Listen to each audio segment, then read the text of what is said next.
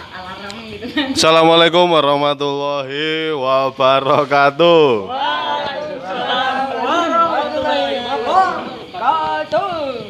Ya, kembali lagi kita di Ipil-Ipil. Jilid 65 kayaknya. Jadi bagi yang belum tahu, Ipil-Ipil adalah apa? Forum diskusi bagi kita yang sering ngopi di sini ya. Ini dimulai sejak tahun 2020 paling. Iya 19 ketika pandemi itu. Terus sekarang formatnya jadi perjuangan ditambahi ada meditasi-meditasinya. Nanti yang mau ikut silahkan kalau enggak ya wis silahkan pergi.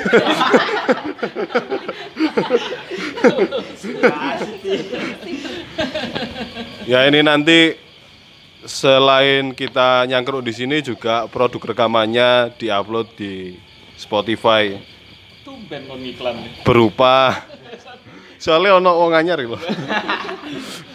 Cek gak bingung iki apa. Berupa podcast ya. Ya kayaknya gitu. Terus ini temanya apa? Apa jenenge Mang temanya? temane Pikiran itu tema anu nih nyantol pas bikin desain. Temane kayak membokehkan pikiran finding inner peace in the realm of chaos. Ono realmnya. Iya. iya. ya ngono lah. Ya begitulah. Ini dibuka dengan puisi yang akan dibacakan oleh Lutfi. Silakan Lutfi.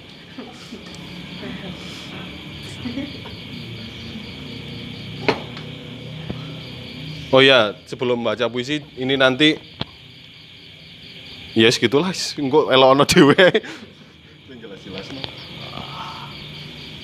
Ya ini puisi dibacakan oleh Lutfi.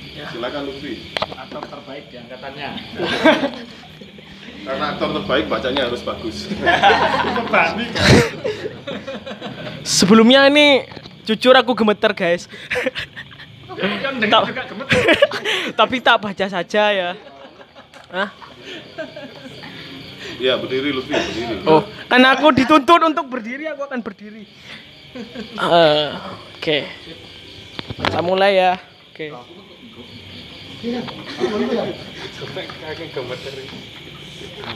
Jeratan kemunafikan. Bahwa dia telah mengunci hati dan pendengaran mereka. Penglihatan mereka telah tertutup dan beratnya derita akan mereka hidupi. Terdengar mudah jika sair itu diturunkan untuk mereka. Bagaimana jika sair itu berlaku sebagai cermin? Bagaimana jika sair itu berlaku sebagai cermin? Menelanjangi seluruh pakaianmu, menampakkan dirimu tanpa bisa kamu sembunyikan. Kamulah yang terjeram yang kamulah yang terjerambam dalam jeratan kemunafikan itu. Hatimu berhenti mendengungkan petunjuk jalan, telingamu berhenti mendengar arahan, matamu berhenti menangkap cahaya. Terjebak dalam kemunafikan, kemarahanmu berteriak, kebencian tertancap kuat menyajikan dendam, kedengkian menja- menjauhkan diri dari temanmu. Kesedihan ditolak, teriakanmu tak terdengar, tangisanmu tak kau sadari, ketenangan melupakan hatimu sebagai rumahnya. Cermin menunjukkan kamu terjerembab dalam jurang kemunafikan. Jalan terjal pertaubatan terlalu berat untuk kau lalui. Masaan baru saja. Terima kasih.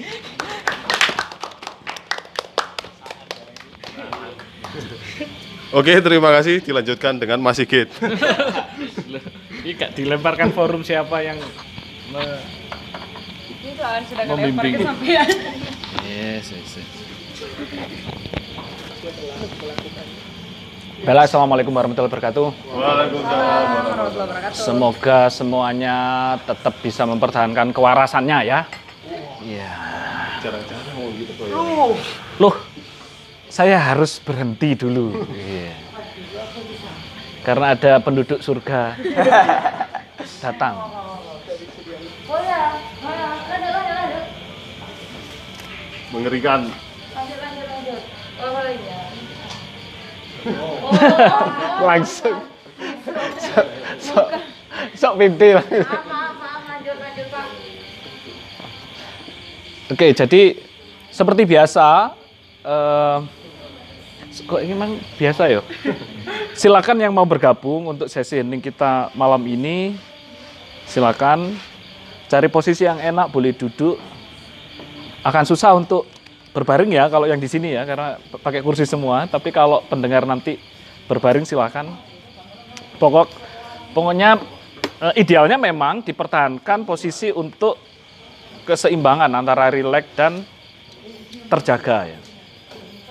Nah, jadi silakan diatur seenak mungkin tubuhnya. Eh, ini sudah terlihat betapa pikiran saya sudah menggoda saya ya. Iya. Tahu sendiri kan ya. Ya. Ya, jarang yang bisa menggoda saya kecuali istri saya.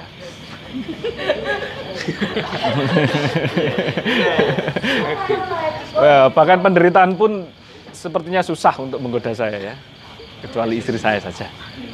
Istrimu menderita. Ya, ya. Kayaknya lebih kompleks dari itu. Oke, silakan saya meminta izin untuk membimbing sesi hening malam ini.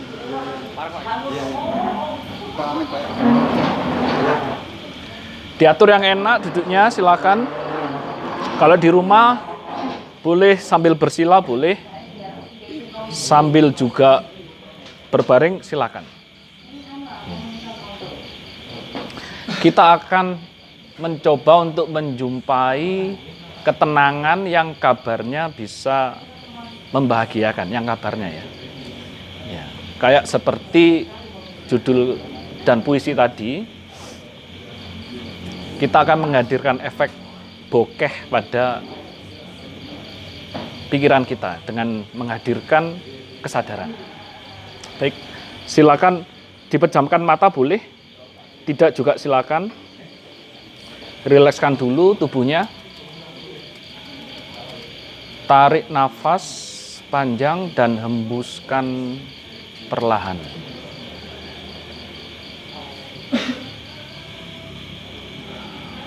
Rasakan dalam bubusan itu kita semakin bertambah rileks. Tarik nafas lagi panjang.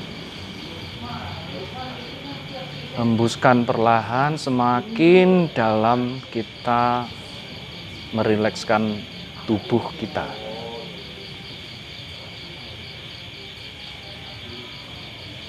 Tarik nafas lagi. Hembuskan perlahan.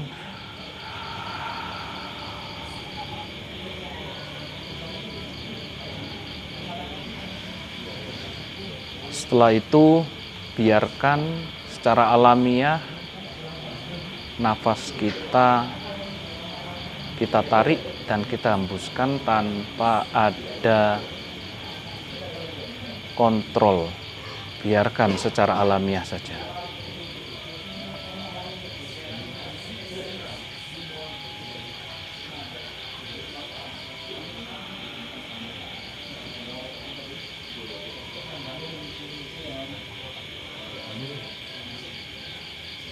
Letakkan kesadaran, kita amati bagian tubuh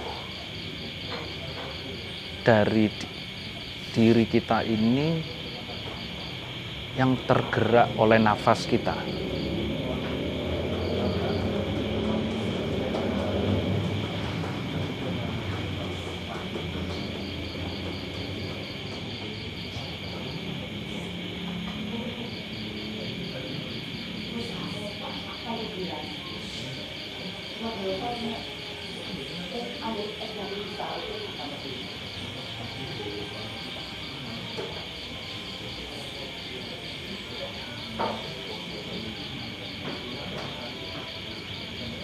Jika yang paling kuat merespon nafas kita perut, maka arahkan kesadaran kita, perhatian kita pada perut.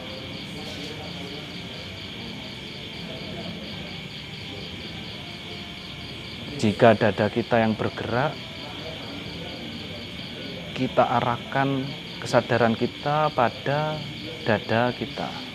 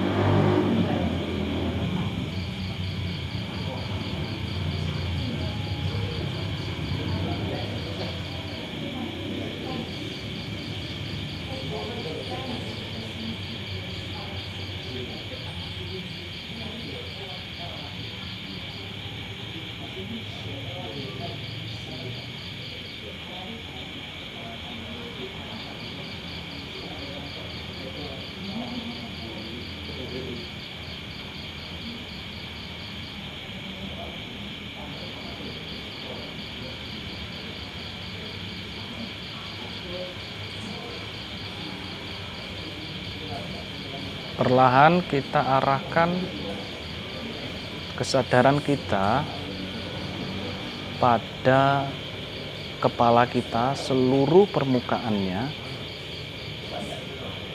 dan apa yang terjadi di dalamnya.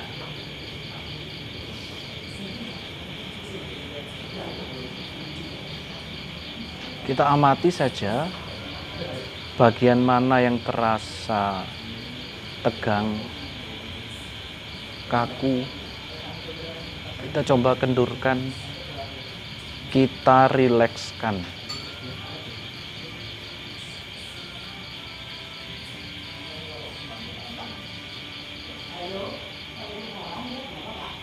Bulu-bulu mata kita kita rilekskan. Mata kita kita rilekskan.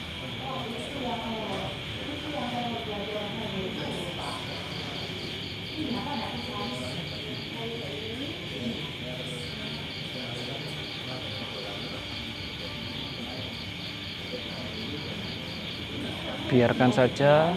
Jika ada dorongan untuk tersenyum silahkan direspon saja.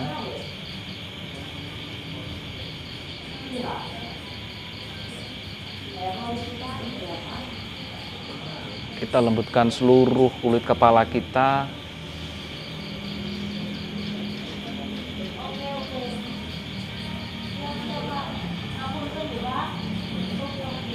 Perlahan kesadaran kita turunkan ke leher.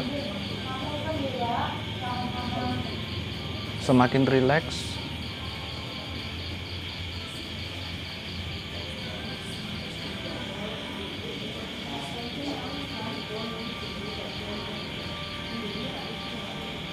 Kita turunkan kesadaran pada kedua tangan kita sampai ujung jari.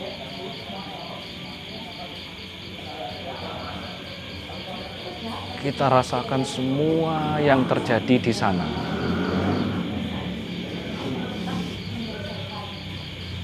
Semua getaran yang terjadi, sirkulasi energi yang terjadi, temperatur yang kita rasakan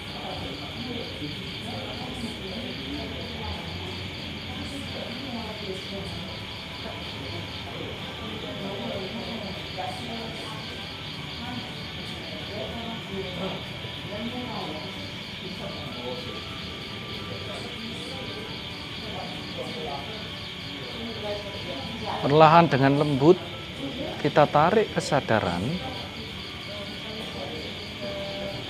pada dada dan perut kita seluruh bagian tubuh yang berada di tengah tubuh kita. Sampai pada punggung kita.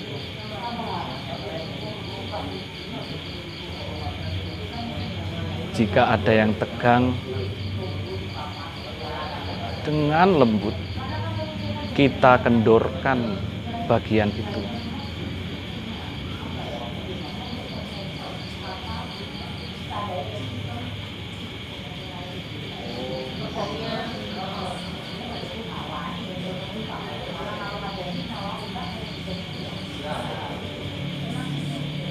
Kemudian dengan lembut juga perlahan kesadaran kita turunkan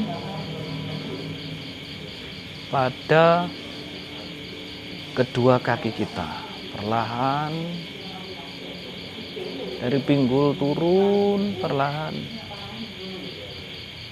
Kita amati saja. Lurus sampai pada jari-jari kaki kita.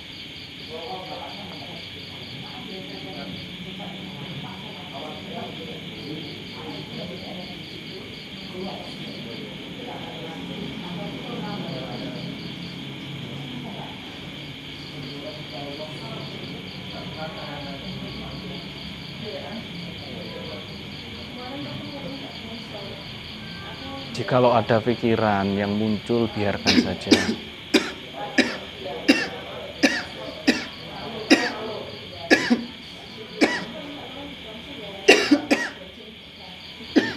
Tidak perlu terikat pada pikiran, juga tidak perlu menolaknya. Kita amati saja pikiran kita yang melintas.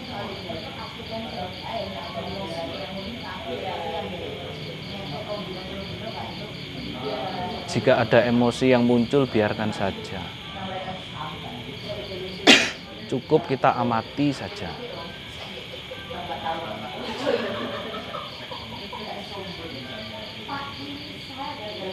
Dengan lembut, kembalikan kesadaran pada seluruh tubuh kita.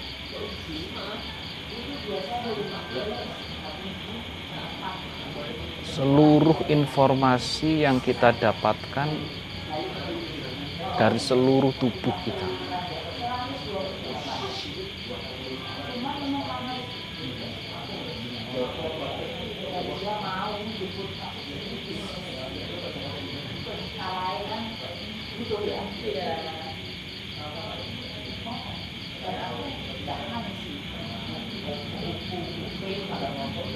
Kemudian perlahan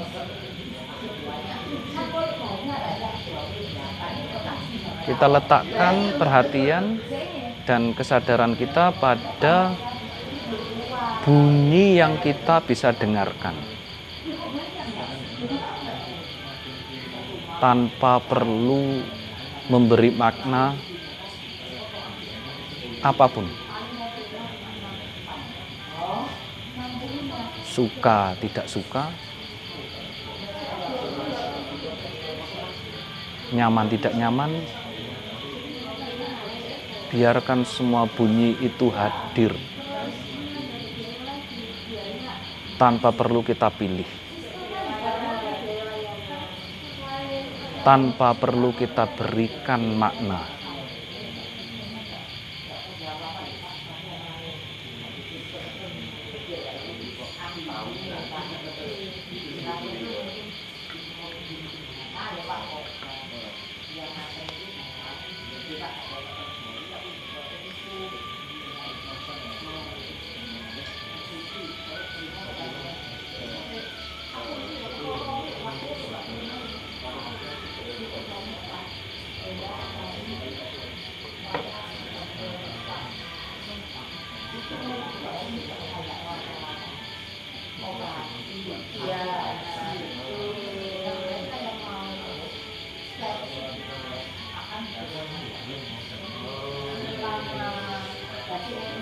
dengarkan seluruh bunyi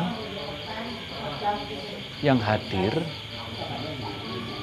tanpa berusaha kita tolak, tanpa perlu memilih mana yang ingin kita dengarkan.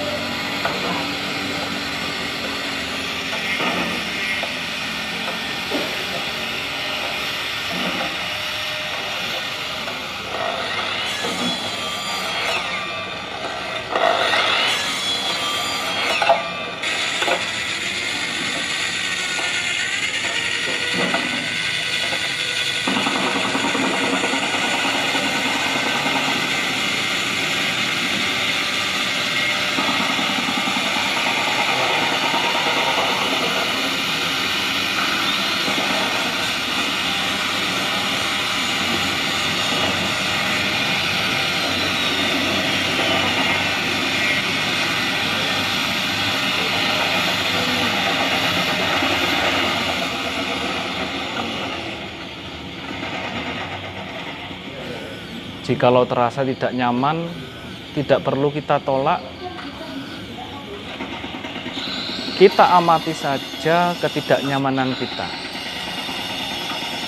Tidak perlu kita pertahankan dan tidak perlu sekuat tenaga kita paksa diri kita untuk nyaman. Biarkan dia hadir, biarkan kita hanya menjadi pengamat.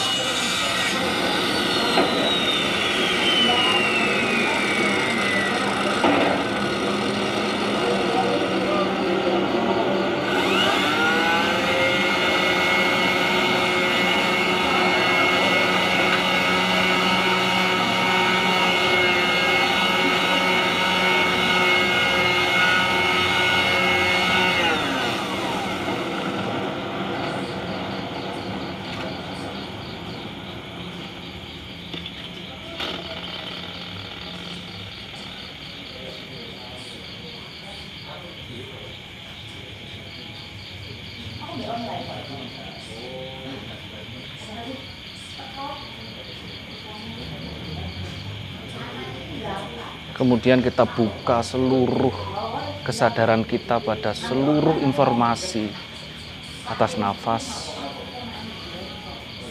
tubuh kita,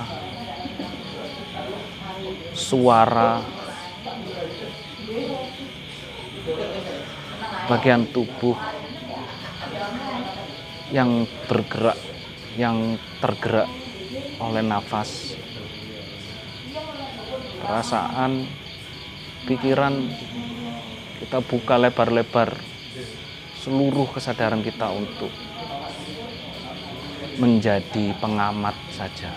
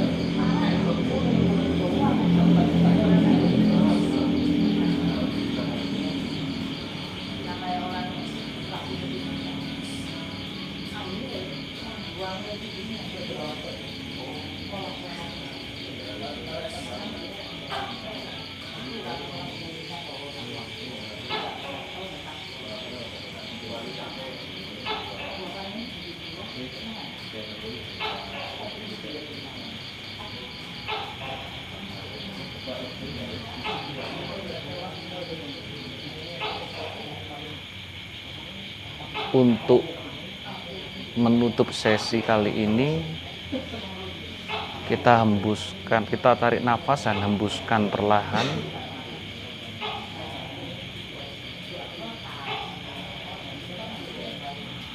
Tiga kali sambil perlahan kita kembalikan kesadaran kepada diri kita.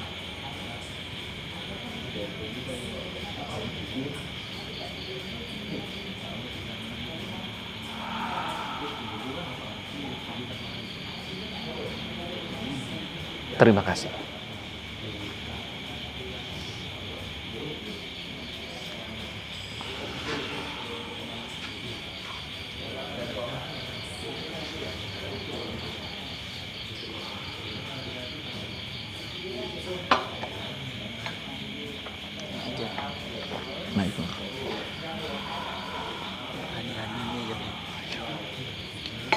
Oh ya, satu kali lagi. Maaf.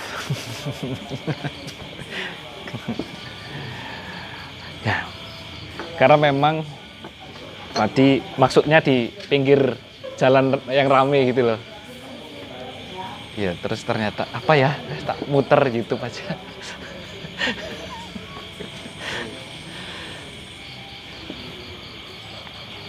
Tuh. Eh, salah satu tujuan dari praktik tadi adalah membangun ketenangan yang ada dalam diri kita sehingga kita tidak mudah terhanyut oleh ketidaktenangan di luar diri kita. Sehingga nanti kalau itu mungkin dilatih perlahan dan terus menerus, kita akan terbiasa punya kecerdasan untuk kembali ke titik tenang. Apa pun yang terjadi. Kita akan punya sistem alarm pertama untuk kembali ke ketenangan. Begitu ada apa ketidaknyamanan yang kita jumpai ya, baik itu dalam diri kita atau dari luar diri kita. Tuh.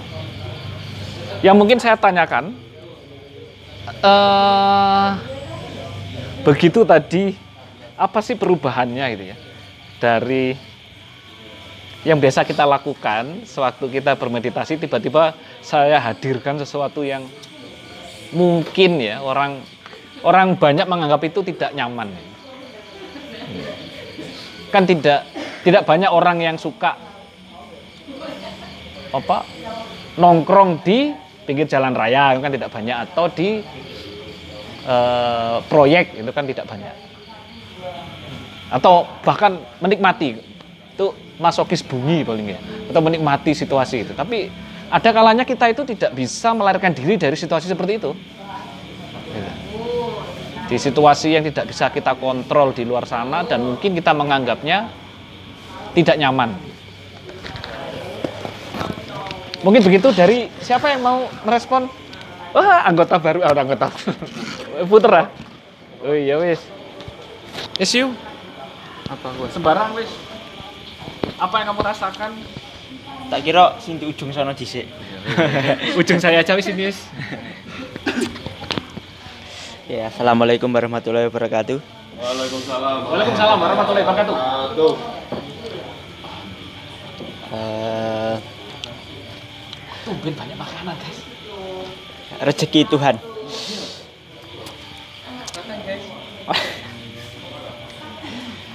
Oke, untuk merespon eh, pernyataan apa emang?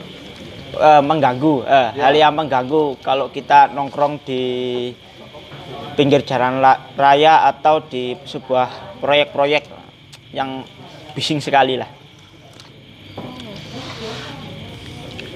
Eh, mungkin kalau bagiku saya merasa biasa-biasa aja dengar kebisingan seperti itu karena setiap karena setiap eh, hari hampir saya mendengarkan kebisingan entah itu proyek atau eh, jalan raya dan sebagainya. Jadi untuk eh, merespon seperti itu eh, bagi saya sudah seperti biasa lah. Nggak ada bedanya itu saja terima kasih itu efek pakai makanan lo kudu nikmati ya gitu Iku mang lho, kan ono proses. Teko hening terus ono kekacauan. Iku ono perubahan kan dalam diriku. oh Mengganggu kesadaranmu apa ya? oh sejak eh, kaget aja sih tadi kita prosesnya hening terus eh tiba-tiba kok pikiran saya terserang dengan bunyi-bunyi yang apa ki datang dari mana suara sini Pak? tapi setelah beberapa saat setelah diserang suara-suara yang tidak terlalu asing bagiku ya oh alah ya udahlah kita nikmati aja kita dengarkan saja Nah, jadi saya bisa mencoba tenang walaupun eh, banyak gangguan atau kebisingan yang datang itu Om. Tapi terasa ya itu itu adalah sebuah serangan. Ya? Iya, serangan, serangan. Cuman dalam kasus apa namanya yang dari hening terus tiba-tiba langsung diserang seperti itu kan sebuah wah baru baru oke itu saja terima kasih langsung Yalah, Oh, kok kok sing kono sing kono. sing kono sing. Daerah. Ya. Gawe takut-takut lanjutan. Di pinggir forum lain. Butuh kok ya. Apa tulisannya? Ya kono wis. Kono wis. Mungkin rono. Kono wis. Kan sebut lagi berapa kali ya? Bismillahirrahmanirrahim. Eh, terima kasih. tongkat, tongkat. Terima kasih atas kesempatannya ini kelima kali. Di absen terus. kelima kalinya saya mengikuti forum menarik ini dan alhamdulillah ada orang-orang baru yang ikut ini. Ada kenalan-kenalan baru jadi ya menarik meskipun tempatnya pernah ya Mas. Mestinya baru lagi tapi ini kembali ke Holo sini. Memang tidak ada planning seperti biasa. Cuman Iya. direncanakan sih. Iya, saya meng serencana menghadirkan memang ke bisingan itu di tempat yang di pinggir jalan memang. Ternyata Iya. kafenya tutup. Oh tutup. Oh iya. Mas Indu aja ke sana kecelik. Oh, Oke. Iya, terus saya mau menanggapi topiknya dan apa yang dilakukan di meditasi tadi itu kan bunyi itu ada ukurannya ya Mas ya. Mm. Ukurannya dB, itu dB des- ya? desibel, Ya. DB. Lah itu saya pernah lihat YouTube atau YouTube yang judulnya itu Not Just Bikes. Not Just Bikes itu dia itu in- intinya itu menunjukkan kayak jalur sepeda di Belanda. Di Belanda itu dibandingkan dengan negara-negara lain. Dan yang menarik itu dia juga menunjukkan di Belanda itu sangat diatur sekali kebisingan di suatu tempat. Tingkat dB-nya itu sangat diatur sekali kebisingan di suatu tempat dan yang paling spes paling tempat paling yang menurut dia tempat paling diatur di Belanda itu ada kota namanya Delft. Namanya itu Delft. Di situ benar-benar diatur sekali tingkat kebisingannya. Jadi kayak misalnya di tol, tol itu selain ada sound barrier, ada pe, pe apa? peredam suara. Itu aspalnya itu juga khusus. Aspalnya itu khusus yang lebih mahal biar soundnya itu kecil. Selain itu juga di kota-kota itu sangat diatur sekali suara-suaranya itu suara-suara dB-nya itu sangat diatur. Itu kenapa? Karena itu ada penelitiannya di mana semakin orang itu terpapar kebisingan, itu ternyata mental health-nya semakin rendah. Komunikasinya semakin jelek, semakin uring-uringan, Aku ngerti alasannya itu. semakin uring-uringan, semakin Kurang-kurang ngono yuk. Semakin uring-uringan, semakin apa ngobrol itu nggak jenak Hmm.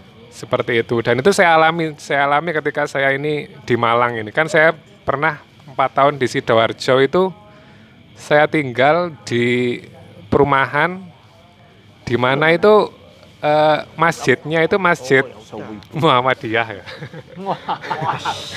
Masjidnya Muhammadiyah, kan sekarang saya itu tinggal di Masjid NU dan entah kenapa sekarang itu sebelum adzan itu sudah ada bunyi-bunyian gitu loh. Entah kenapa, gak, cu- gak cukup adzan aja tapi sekarang itu ada baca Al-Quran dulu, terus ada tarhim dan itu adalah kaset gitu kan. Dan itu keras sekali, sangat keras sekali. Lima, lima waktu itu keras sekali. Lima waktu itu keras sekali dan apalagi di wilayah di wilayah kos-kosan, di wilayah kos-kosan itu jadi saya sangat bising gitu loh kalau menurut saya. Dan itu saya rasakan kayak sangat-sangat gak nyaman sekali kalau saya rasakan itu. Terus kemarin tuh saya coba tidur di tem- rumahnya teman saya itu yang sangat sangat apa terpencil sangat bisa dibilang rumahnya itu di belakang sangat gak terdengar apa-apa ketika tidur itu sangat nyaman sekali baik itu tidur ketika saya membaca saya ngapa-ngapain itu sangat nyaman sekali jadi saya kalau meditasi apakah bisa mengembalikan mengembalikan apa kenyamanan atau enggak saya sanksi sih. Soalnya kayak sanksi soalnya ya itu pada dasarnya kayak dan berdasarkan penelitiannya manusia tuh nggak suka kebisingan itu. Kalau kalau berdasarkan penelitian dan saya yang saya alami seperti itu. Apalagi kan sekarang itu kayak kita ke tempat wisata kayak misalnya ke tempat perkemahan ke tempat renang yang di alam itu pengelolanya malah nyetel koplo biasa nih malah nyetel orkes malah nyetel koplo. Itu kan padahal kita nyari ketenangan nyari kesunyian. Tapi kok entah kenapa kayak orang Indonesia itu kalau nggak ada bunyi dangdut gitu kayak mungkin terlalu sunyi atau gimana gitu. Dan jujur saya saya nggak nyam jujur saya pribadi itu nggak nyaman. Dan saya itu tadi kalau meditasi itu kayak sanksi apakah bisa soalnya ya itu tadi saya sendiri merasakan tidur gak nyenyak terus ya nggak bisa fokus harus pakai earphone terus.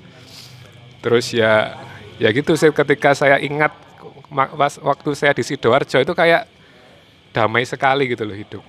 Damai sekali bisa ngobrol itu enak bisa ya itu mungkin mental healthnya itu lebih bagus daripada di sini tuh yang kayak sumpek gitulah itu kalau menurut saya tentang kebisingan itu tadi. Terima kasih atas Yang waktu. dirasakan tadi. Apa yang dirasakan? Membantu enggak misalnya dalam proses itu terus hadir bising. Ini ini yang dibangun dari awal nah sama kehadiran bising, kebisingan itu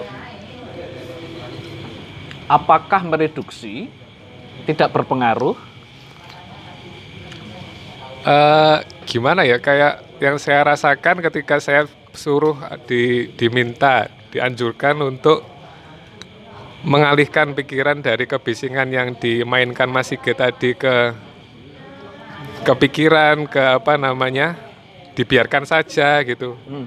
Itu nggak bisa saya. Saya tetap gimana gimana cuma sebentar saja langsung aduh kok ruame sih gitu. kok ruame sih gini. Gitu saya, saya- yang saya rasakan seperti itu. Ya bisa tapi kayak mungkin saya tingkat meditasi saya sangat pemula atau gimana tapi saya jujur nggak bisa. Saya tetap mendambakan kesunyian itu tadi. Hmm. karena ya itu karena saya gitu dan saya lihat ternyata penelitiannya juga mendukung apa yang saya rasakan mungkin seperti itu sih. Begi- begitu mas gimana? Sudah. Kamu pasti mau bertanya kan? Kita. ya terima kasih atas kesempatannya dilanjutkan oleh bapak Oh ya wis di sliding kok. bapak Sindu monggo Ada di terakhir Socrates itu. Rakyat asem. Apa pertanyaannya? Dianggap tidak ada pertanyaan wis. Assalamualaikum warahmatullahi wabarakatuh. Waalaikumsalam warahmatullahi wabarakatuh. Eh, dari saya ya, saya biasa saja itu. Artinya ini apa? eh, belakangan ini kan saya juga mempraktekkan walaupun sendiri ya. Jadi apa pun yang hadir saya diminta cuman menyaksikan saja. Aksi reaksinya misalnya dari luar seperti apa ya sudah saya saksikan aja. Secara otomatis eh, dari internal mesti ada respon itu. Tapi juga kita saksikan aja, nggak perlu nggak perlu merisaukan. Jadi saya menikmati aja. Eh, targetnya kalau dari saya dari dalam nggak perlu menuntut apa-apa. Mau hadir seperti apa? Misalnya tadi Mas Siki alihkan pada pikiran, ya sudah pikiran di situ. Ya kita saksikan aja apa reaksi dari pikiran. Secara emosi misalnya emosi bereaksi ya sudah kita saksikan aja. Emosi itu bereaksi seperti apa. Termasuk tubuh itu mesti bereaksi. Itu kan bagian dari sen- sensasi aja. eh, pada titik tertentu saya menyikapi itu ada sensasi aja, sensasi dari pikiran, sensasi dari imajinasi, sensasi dari rasa itu juga. Eh, jadi saya menikmati aja, saya mengikuti aja apa pun yang yang terjadi. Jadi ketika tadi ada bunyi-bunyian seperti itu, ya tidak tidak tidak mengganggu saya, ya cuman saya menyaksikan saja. Bahkan eh, pada setiap kehadiran tidak hanya sekedar kehadiran bunyi kalau saya. Misalnya di lingkaran baru, circle baru seperti ini ya sudah eh, apa? Saya menyaksikan saja. Kalau saya itu tadi, jadi ya biasa saja. Apa pun reaksi sensasi pada tubuh ini, kalau misalnya saya diam, ada yang ada organ-organ tubuh yang yang bereaksi atau berontak begitu, ya sudah ya saya saksikan aja. Nggak, nggak menjadi satu persoalan. Jadi saya eh, untuk sementara saya tidak perlu merisaukan itu. Dan eh, apa ini Mas Sigit, Mas Aan jelas jelas tahu ya. Misalnya selama ini saya ada berapa kehadiran ya sudah. ya itu aja. Jadi saya menikmati aja intinya intinya kalau meni- saya berusaha menikmati berarti ini metode ya. Targetnya sampai sampai pada kenikmatan itu aja. Kalau untuk kalau dari saya untuk sementara ya itu aja.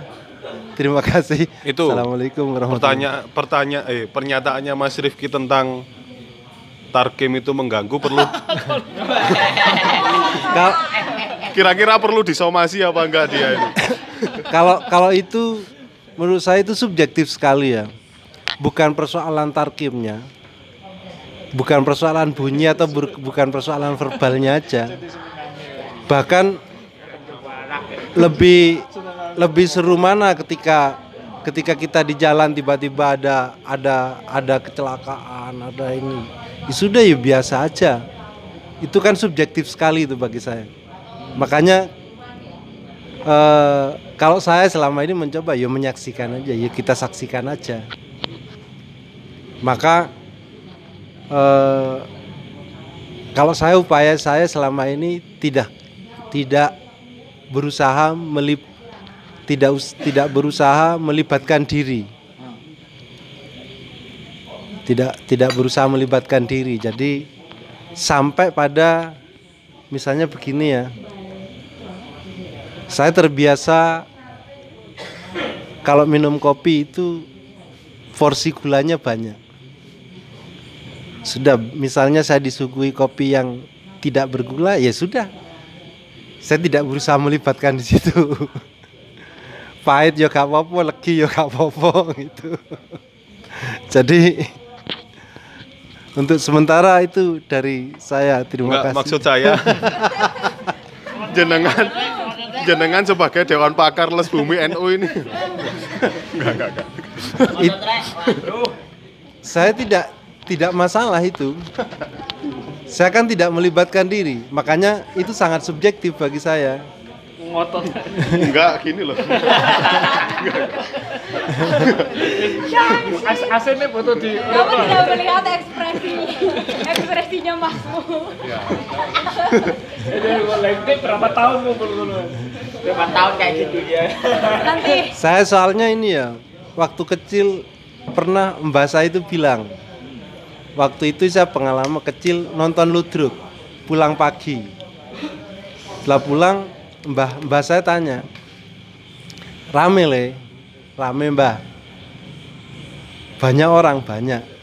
Kalau pingin rap, pingin rame pergi ke tempat yang sepi le. Kalau pingin sepi pergilah ke tempat yang rame.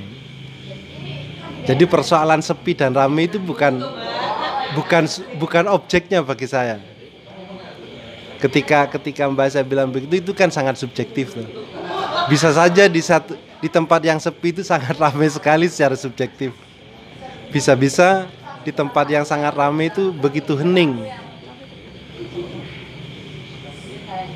Jadi kalau misalnya kita tidak tidak tidak melibatkan diri, maka bagi saya keheningan itu akan bisa kita capai di mana saja kalau kita tidak melibatkan diri. Itu dari saya Mas Aan. Maksud saya,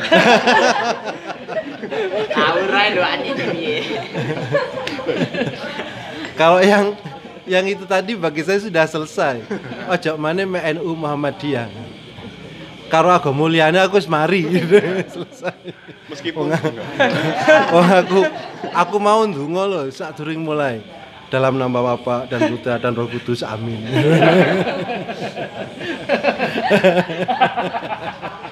Sangat kreatif. iki pel-pel kok digeruduk iki. Wis gak ono sing ngrungok tok. Tenang ae. Pecah belah agama. Eh, ya kebetulan akhir-akhir ini saya menekuni itu, menjalani itu. Jadi berlatih, masih masih tahapan berlatih ya. Berlatih tidak melibatkan diri. Berlatih menyaksikan saja. Karena apa? Katanya katanya titik hening itu di situ. Jadi ketika kita masih melibatkan diri, berarti kita belum belum pada keheningan masih. Misalnya kita kita masih terjebak pada sensasi-sensasi itu. Sensasi itu biasanya kan kalau kita sedang hening begini, kita sedang meditasi, sensasi dari pikiran, sensasi dari rasa juga. Itu yang kalau kalau kita ikuti yang sangat seksi itu. Tapi ketika kita masih terjebak ke sana, berarti kita masih belum pada titik hening. Ya targetnya ya eh, apa? Berusaha melepaskan dari kemelekatan kemelekatan itu. Fungsinya ke sini kan ini toh. Oke lah, sudah selesai. Sokratesnya di sini. Tapi kan oh, nomor saya. Paidrus dan lain-lainnya belum ngomong. Ya. Ya terima kasih dari saya. Silakan. Assalamualaikum warahmatullahi wabarakatuh. Oke. Monggo. Langsung. Langsung masuk ke Ilham. Assalamualaikum warahmatullahi wabarakatuh. Eh, sebelum saya mulai mungkin saya memperkenalkan diri dulu bang ya. Memperkenalkan dirinya harus selama 4 menit, Mas. Monolog perkenalkan diri Karena- selama 4 menit. Ya, oh Nick juga perlu ya. Jangan soalnya buzzer lagi banyak sekarang. Foto Karena KTP, kebetulan- selfie sama KTP pancet. Karena kebetulan saya maba ya. Kalau bisa saya gunakan istilah itu, mahasiswa baru. Ini disebut perkumpulan atau Sekte, terlalu sekte. kaku ya perkumpulannya. Sekte, sekte. Sekte ya. Ya saya baru pertama kali di sekte ini. Nanti mungkin bisa kita usung siapa yang menjadi lordnya mungkin. Jangan cepet mati. Iya jadi saya baru di di sekte ini dan saya bersyukur ya karena menurut saya hal-hal seperti ini sangat positif karena jujur kemarin tuh saya sedikit galau karena Inggris itu kalah jadi Kalau kenapa? galau karena Inggris itu kalah gitu Ada yang lebih krusial nggak kalaunya? Milih-milih. Maksudnya supaya fenomena itu jangan hilang, saya menggunakan satu istilah Inggris lah. Ya saya orangnya introvert. Apa artinya introvert itu? Nah kamu gitu. yang ngomong, kamu yang nggak tahu. Dan saya dan saya baru baru baru pertama kali eh, melakukan meditasi. Baru pertama kali. Nah kalau terkait respon terhadap eh, bunyi-bunyian tadi, saya menganggap itu stimulus yang membantu. Karena mungkin saya pemula ya, saya baru meditasi, saya menganggap itu stimulus atau rangsangan yang membantu untuk menggiring titik fokus saya. Seperti yang kemudian eh, arahan-arahan yang disampaikan. Nah cuma mohon maaf kalau tadi batuk, Saya pikir itu ketidaksengajaan yang menjadi stimulus juga. Harapan saya begitu. Oh sampean tadi yang batuk.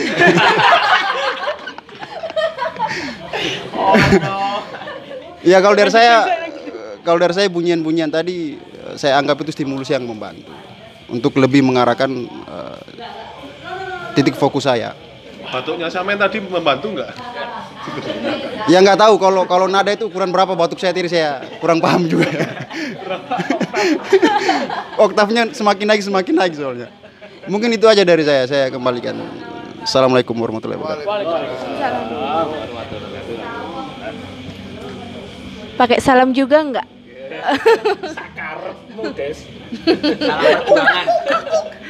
Menjadi tidak normal.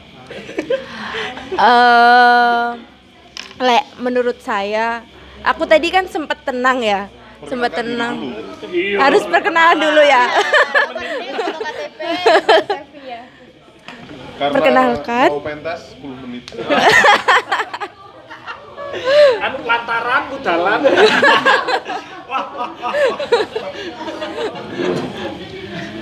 Perkenalkan nama saya Arina. Terus udah gitu aja wes, nggak usah panjang-panjang.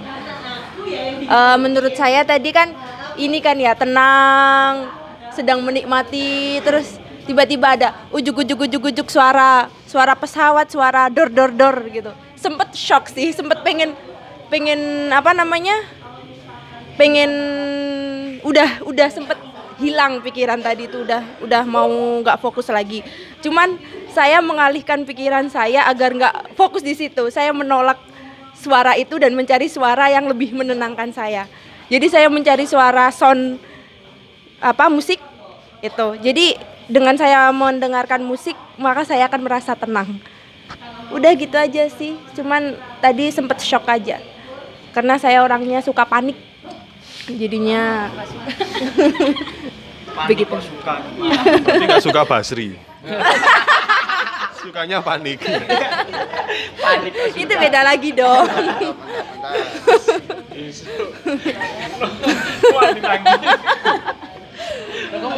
Cukup sekian deh dari saya. Mungkin bisa dilanjut ke sebelah saya. Halo, saya lagi ya, Ovi. Kemarin episode yang kemarin saya absen. Jadi para pendengar tidak mendengar suara saya. Jadi Iya, saya pastikan lah, meskipun gak pasti juga. Ada loh yang nonton. Aku yang nonton, aku. Saya lima kali. aku nonton loh. Karena aku mau tahu pembahasannya kan. Sebetulnya motivasiku nonton kemarin itu aku mau denger suaranya Mbak Dira. Nggak mau kalau suara Aan, Moga. Terus yang saya rasakan sih saya udah biasa aja ya. Mau pas pas sepi, pas hening, terus tiba-tiba ada suara itu ya ya biasa aja. Udah nggak ada yang nggak kaget atau nggak merasa terganggu atau gimana gimana gitu. Cuma yang berbeda dari meditasi sebelum-sebelumnya dengan yang sekarang itu adalah di setiap kali pengalihan fokus kayak misalkan dari dari mulai wajah terus turun ke leher gitu itu semacam ada denyutan. Aku nggak ngerti itu apa gitu. Cuma ketika fokusnya di kepala kepalaku semacam berdenyut entah itu sakit kepala atau apa aku nggak tahu. Terus ketika beralih ke leher leherku kerasanya kayak ada denyutan gitu. Terus terus sampai seterusnya sampai ke kaki dan denyutannya itu semakin terasa ketika ada jeda nafas dari nafas sebelumnya ke nafas berikutnya. Gitu semakin jelas kedengeran dan juga terasa gitu denyutannya. Itu aku nggak ngerti bagaimana apa ada masalah dengan kondisi fisik. itu saja, tapi nanti off the record. Mungkin ada penyakit kejiwaan lagi karena kemarin penyakit kejiwaan saya nambah. Itu bisa jawab kalau lingkaran. Ya, Lingkaran sekte ini secara langsung. ya itu saja sih barangkali. Nggak ada yang lain ya, saya biasa aja. Terus juga ini kayaknya eh, perbedaan kalau dulu ketika misalkan di tempat keramaian saya kerap kali merasa sen- sendiri kesepian gitu. Terus ketika sepi malah tambah lebih nggak tenang gitu. Ya mungkin itu hanya perkara pribadi aja. Barangkali ketika sepi terus masih ngerasa tidak tenang dan riuh itu karena terlalu banyak bisikan-bisikan dari diri kita yang meminta untuk didengarkan sementara kita menolak itu semua.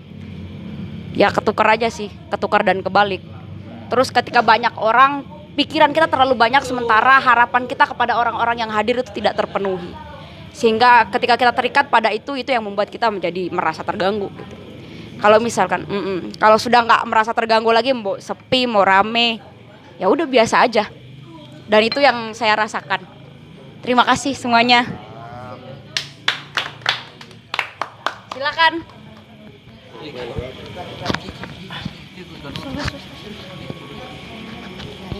Hai, assalamualaikum. Salam.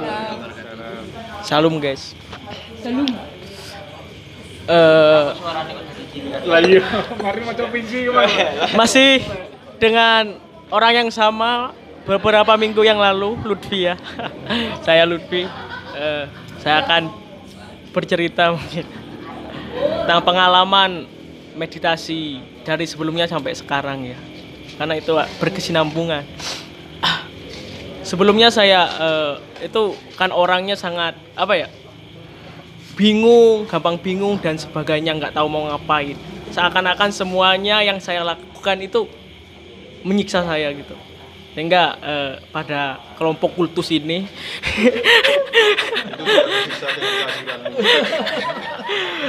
ya dikasih treatment ya untuk menjeda bahwa eh, apa ya ternyata manusia itu butuh jeda juga dan itu saya pelajari di meditasi ya treatmentnya nah tapi sampai sekarang saya belum eh, menikmati secara keseluruhan. Mungkin fokusnya cuma berapa menit terus nggak fokus lagi dan harus berusaha lagi untuk menjeda lagi. Karena banyak eh, apa ya dorongan dari eksternal mungkin dari luar ya yang merasuki gitu. Merasuki saya gitu sehingga saya ingin merespon terus gitu. Tapi eh, udah beberapa kali meditasi ini ada hal yang apa ya fenomena ya di dalam keseharian saya. Dulu kalau saya baca buku itu nggak pernah nyambung atau connect ya. Nggak pernah paham nggak pernah nyambung seperti ya seperti yang saya ceritakan. Saya tersiksa setiap melakukan apa pun. Tapi belakangan ini jangankan di tempat diam di tempat ramai pun saya membaca buku itu enak sekali gitu. Udah nggak nggak nggak apa ya terangsang oleh suara-suara yang ribut tapi ya sesekali saya kalau apa ya fokus saya hilang saya ya pasti noleh gitu tapi fokus lagi gitu sehingga nikmat sekali rasanya gitu. Untuk yang eh, barusan meditasi yang di apa yang dikagetkan ya yang dikagetkan oleh suara-suara perang itu aku waktu eh, di disuruh ya disuruh untuk merasakan tubuhku itu enggak seluruhnya aku rasakan cuma di bagian kepala dan bagian leher saja. Karena pada bagian dan ke bawahnya itu aku belum peka tentang tubuhku sendiri gitu. Nggak tahu ini rasanya bagaimana atau bagaimana. Tapi aku merasa uh kok ini nggak fokus ya? gitu. Kok aku nggak bisa ngerasain ya? Udah berusaha memfokuskan gitu kepada berjantung dan sebagainya tapi ya belum bisa. Dan saya mulai menata fokus lagi ketika dikagetkan itu saya merasa loh ini suara apa saya saja yang apa yang mendengarkan ini apakah saya sudah nyampe ke ya me- mencapai apa meditasi yang paripurna gitu ya? Apa ini? Sidang saya sudah sudah panik nih panik. Sumpah sumpah. ya sumpah. Sampai transisan. ya yang yang awalnya suara itu ya biasa aja itu kaget loh ini apakah teman-teman mendengarkan juga atau aku ini? Aku panik kan? Soalnya ba- baru pertama dikasih metode yang begini. Jadi panik. Ini apa? Saya sudah berada di hal yang tidak terjangkau gitu. Sudah mati ya, ditanya sama malaikat ya. intinya panik. Saja. Eh ternyata aku udah udah nggak fokus itu udah menduga-duga ini suara apa ya? Apa aku apakah aku sudah apa ya? Meditasiku ini udah ada apa ya levelnya udah naik apa enggak? Gitu sih. Atau ini memang disengaja kan? Terus bertanya-tanya sampai nggak fokus sampai buyar semuanya Andri itu saja ya. Ada yang mau bertanya? Gak gak ada. Paling bertanya. itu kira-kira sampai sampai berapa itu paniknya Sa- sepanjang apa? Apakah sampai meditasi selesai itu masih terasa ataukah ada perubahannya gak sampai ketika Mas Sigit apa? Ya ngomong-ngomong seterusnya ternyata aku buka. Oh ternyata ini apa disetel sama Sigit ternyata aku bukan. Oh ternyata aku bukan Hanuman. Atau Anjani. Ternyata aku bukan dia guys. Itu saja dari saya. Assalamualaikum. Next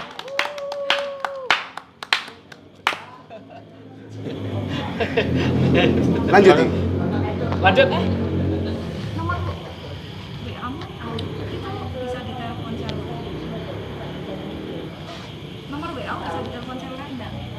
Enggak kayaknya. sponsor WA guys iya wajar ya tidak apa-apa endorse Oke, lanjut aja ya. Lanjut ya. Eh, silakan silakan untuk yang pertama, mungkin saya akan membantu Lutfi untuk untuk memahami ya. Lutfi, Lutfi, tadi saya juga mendengarkan. Tenang aja ya. Oke. Insya Allah, Insya Allah yang lain juga mendengarkan kok lu tenang aja. Itu yang pertama. yang kedua, yang kedua, apa yang saya rasakan sendiri eh kalau pertanyaan adalah kalau pertanyaannya adalah tentang adakah perbedaan antara sebelum dan sesudah ada stimulus baru tadi yang apa namanya yang suara berantakan tadi? Itu di saya tidak ada pengaruhnya. Karena alhamdulillah eh, kebetulan saya dari awal sudah ready dan fokus untuk mendengarkan stimulus dari Mas Sigit sehingga eh, saya lebih mengikuti apa namanya prosesnya itu memilih untuk mendengarkan hal yang saya membuat nyaman karena pada dasarnya kalau ngomong fokus atau atau tidak fokus itu kalau di sepengetahuan saya ilmunya adalah eh, pemilihan stimulus saja sebenarnya jadi untuk kita bisa fokus dan konsentrasi itu ketika kita sudah menemukan hal yang menyenangkan buat kita untuk fokus itu better. Kalau kalau nggak ada memang tinggal menyisihkan stimulus-stimulus yang tidak kita nyaman. Sebenarnya itu aja kalau di aku makanya eh, kebetulan tadi alhamdulillah dari stimulus awal saya sudah memiliki satu satu suara yang saya suka yaitu bunyi kodok dan jangkrik di mana itu polanya sudah jelas Alhamdulillah itu juga membantu untuk saya tetap nyaman hingga akhir begitu. Jadi tidak kesulitan untuk untuk tetap nyaman sampai akhir begitulah ini ya. Eh, kalau ngomong kalau ngomong distorsinya kan yang diharapkan kan rasa distorsinya ya Mas ya. 1 sampai 10, 10 itu kedistorsi banget, satu itu sangat tidak terdistorsi, mungkin ada di angka 2 untuk kenyamanan yang saya dapat dengan meditasi malam ini itu ada di angka 89 insya Allah begitu Uh, oh tinggi sekali ya. ya jadi kalau kalau di aku sendiri kalau tentang kalau tentang apa namanya eh, fokus dan konsentrasi itu eh, kalau di aku tinggal memi- memilih aja mana si- si- apa mana situasi atau atau hal-hal yang pengen kita dengar dan membuat kita nyaman. Karena outputnya nanti pasti adalah tentang relax dan nyaman. Begitu. Terus mungkin sedikit ya apa namanya menambahi. Eh, saya menarik tadi dari dari Mbak Ovi sama Mas apa namanya pojok? Mas Rifki. Kalau dari dari Ovi tadi yang apa merasakan waktu ngobrol di kepala itu ada denyutan di leher ada denyutan yang saya tahu eh, berarti Mbak Ovi orangnya mudah untuk konsentrasi. Karena yang pernah saya alami juga dalam pelatihan meditasi dan dan di hipnosis di NLP ketika kita menjadi mau menjadi trainer kita tuh wajib observasi. Nah, salah satu bentuk observasinya adalah ketika kita memberikan sugesti bahwa oke, udara ini masuk ke seluruh lapisan kulit kepala Anda. Maka biasanya secara otomatis eh, respon tubuh itu seperti itu, entah denyutan, entah eh, otot-otot yang membesar atau mengecil begitu. Jadi itu itu menarik sih. Jadi berarti Mbak Ovi juga juga juga tingkat tinggi gitu. Menyenangkan sekali. Terus kalau dari Mas Rangga apa? yang udah rekor, yang udah rekor itu hubungannya dengan pribadi. Jadi tetap bernilai nanti. Ikut yang yang yang udah rekor ya, tetap ya. Nah, aman Amzan. Gimmick marketing ya. Me- menyelamatkan gimmick. Terus kalau Mas siapa tadi? Rangga, Mas Rifki. Iya. Lah koyo Nikola Saputra loh mukanya. Nicola Saputra sih ngomong. saya jadi saya jadi inget pernah benci sekali dengan Masjid NU.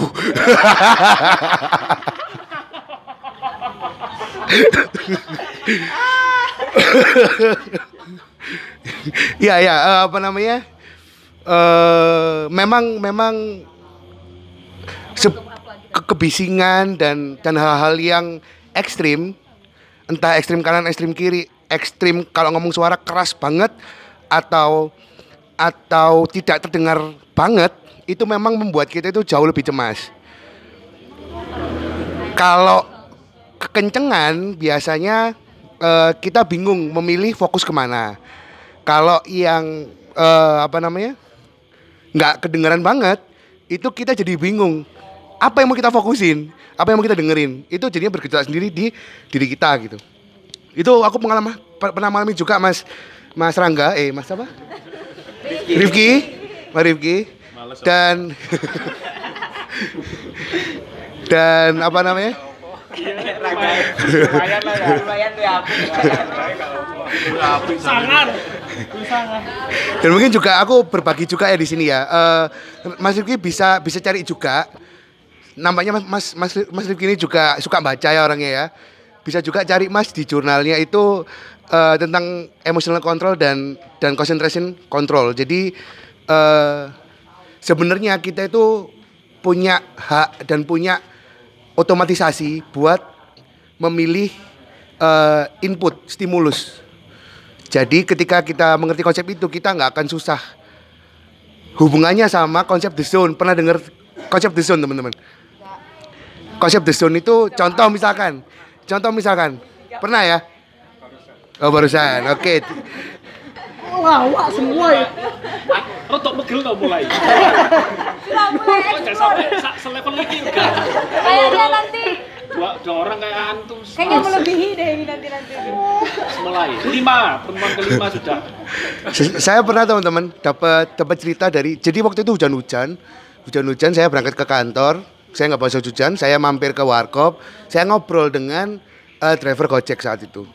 Driver Gojek di mana itu saat itu sekitar tahun 2014 2013 2014-an di mana saat itu eh, Gojek dari yang awalnya itu keren secara pendapatan ya akhirnya banyak perubahan-perubahan tarif dan sebagainya sehingga menyusahkan driver-driver lama.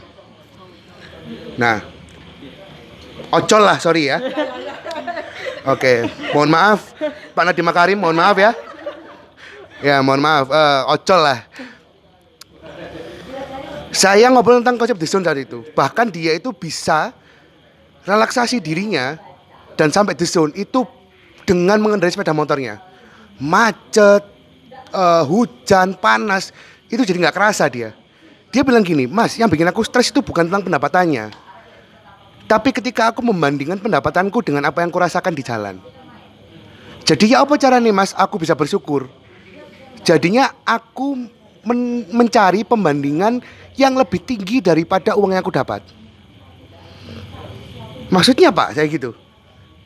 Mas, lek duwe iki kalau uang ini tak banding mbak olehku panas olehku adem panas gara-gara udan. Olehku kena kenal poti sepeda motor panas keasepan dan sebagainya gak sebanding mas. Dan rasa syukurku ku bakal luwe ado. Makanya aku lebih milih gawe tetap ngeflow mas. Tetap nge, apa? Tetap melalui in the zone mas. Aku mau coba buku iki digawa lek buku nang jok iku. The zone ya namanya The Zone. Jadi jadi aku ku Mas eh, full konsentrasi nanggone hal-hal sing sing penting gawe aku. Aku fokus konsentrasi nanggone hal sing menyenangkanku Mas. Oke, lambat laun, lambat laun saya belajar, saya masuk di dunia psikologi, saya masuk di dunia olahraga. Saya dapat satu kasus lagi akhirnya. Basket itu ketika free throw basket itu salah satu olahraga yang penonton boleh berteriak-teriak ya seperti seperti sepak bola. Beda sama tenis. Tenis harus silent penonton. Lebih mudah untuk konsentrasi, lebih mudah untuk mendapatkan kenyamanan. Kalau bola basket saat itu saya mendampingi atlet basket, dia itu kecemasannya adalah setiap dia melakukan free throw. Pelanggaran free throw kalau di sepak bola penalti lah ya. Itu gimana dia bergemuruhnya itu tapi dia harus tetap konsentrasi dan the zone untuk dapat mencetak poin. Akhirnya dia belajar meditasi, dia belajar eh, konsep the zone dari Kobe Bryant. Nah dari situ baru tahu saya kalau Kobe Bryant itu juga juga me- me- me- melakukan ini semua gitu. Biasanya nunggu kuno biasa narik. Gak mlebu hari iki ya. Ya iya. Ya iya, katakan tekan ya. Iya. Nah, eh makanya Mas Mas Rifki jenengan bisa cari jurnal lain bahwa eh kita juga bisa kok buat apa namanya itu me- mencari ketenangan meskipun itu di tengah-tengah keramaian. Meskipun itu di tengah-tengah ketidakjelasan. Gitu. Jadi eh lagunya Dewa itu kayaknya juga juga bener juga itu di gimana oh di dalam keramaian aku masih merasa sepi itu ya. Itu dia dison terus kayaknya kalau di bahasa saya. Gitu. Dia sudah pinter dia dia sudah pinter meditasi kayaknya. Gitu. Jadi eh, kalau dari saya intinya tadi saya belajar bahwa memang betul ketika saya berhasil menyingkirkan eh, stimulus yang tidak saya perlukan atau tidak saya sukai, maka saya jauh lebih mudah berhasil, jauh lebih mudah ya. Jadi kalau berhasil semua orang pasti berhasil melakukan sesuatu yang diharapkan. Tapi kita di sini ngomongnya akhirnya saya di sini ngomongnya akhirnya adalah saya jauh lebih mudah untuk mendapatkan sesuatu yang saya inginkan. Dengan kalau temanya adalah tentang konsentrasi terhadap eh, diri, terus eh, relax dan merasa nyaman dan fokus dengan diri sendiri, maka hal yang paling mudah dilakukan tadi adalah saya lakukan penghilangan stimulus yang tidak perlu buat saya. Begitu intinya. Terima kasih teman-teman. Lanjut. Mbak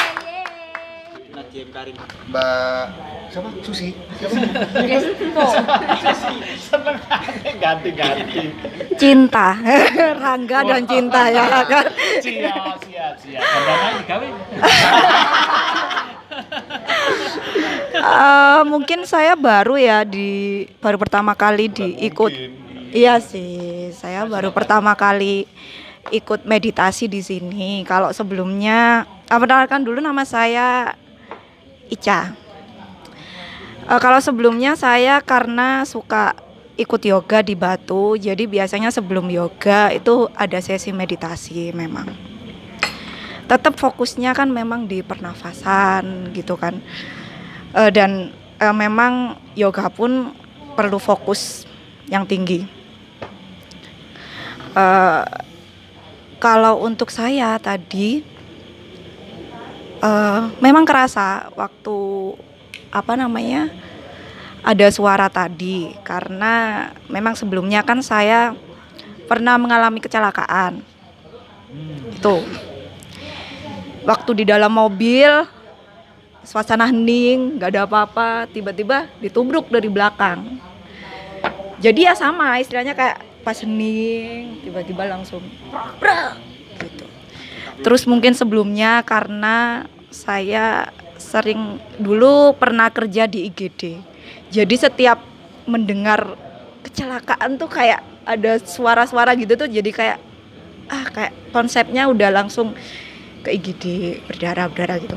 Cuman eh, saya balik lagi ketika waktu tadi eh, memang kan kalau meditasi kan kita mendengarkan ya mendengarkan saja ketika tenang gitu kan. Kayak eh, kita coba kita jangan ada pembelaan itu akhirnya menenangkan. Jadi maksudnya kan eh, akhirnya terbantu. Dan terus ya udah sih setelah itu nggak ada eh, nggak ke saya mencoba mendengarkan mendengarkan mendengarkan ya me- apa ya namanya ya Flow. Ngikutin aja. ngikutin iya ngikutin aja ngikutin aja eh, ini sih cukup cukup menyenangkan karena sebelum sebelumnya nggak ada sesi pas kayak yang nge-trigger gini tadi jadi sebelum sebelumnya ya meditasi ya meditasi aja dengerin apa suasana. Jadi memang betul kayak sama kayak mas siapa mas?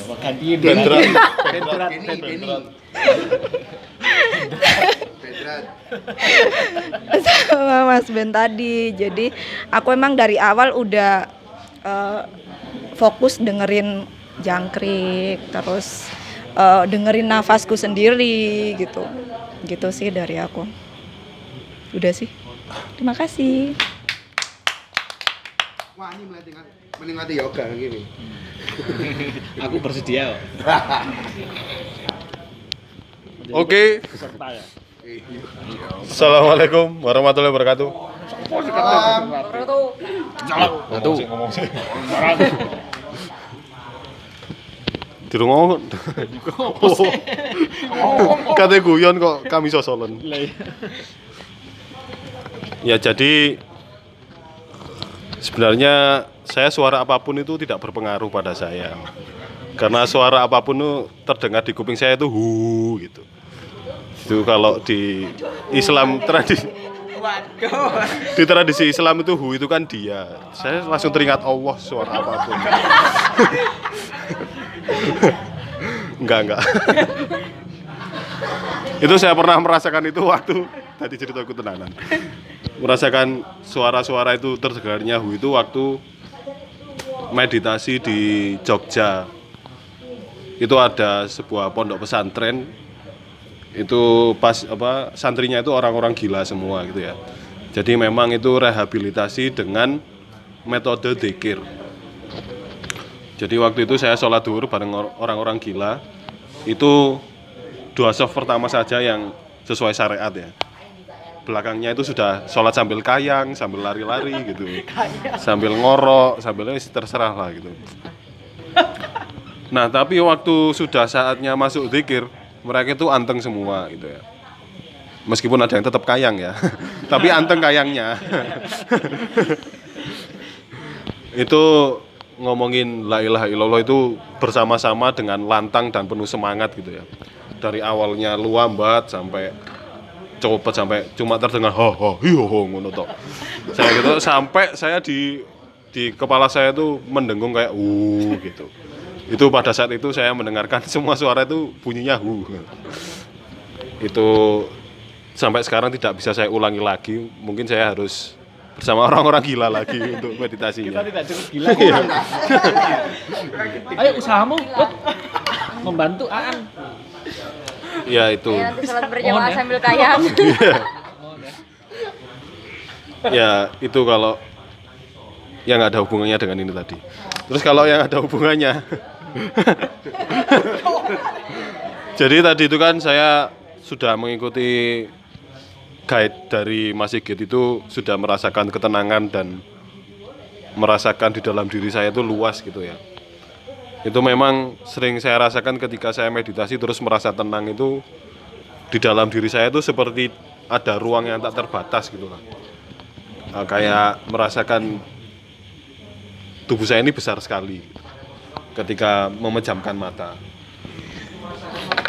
Itu kayak ternyata jarak antara ketidakterbatasan itu tinggal diam dan memejamkan mata saja.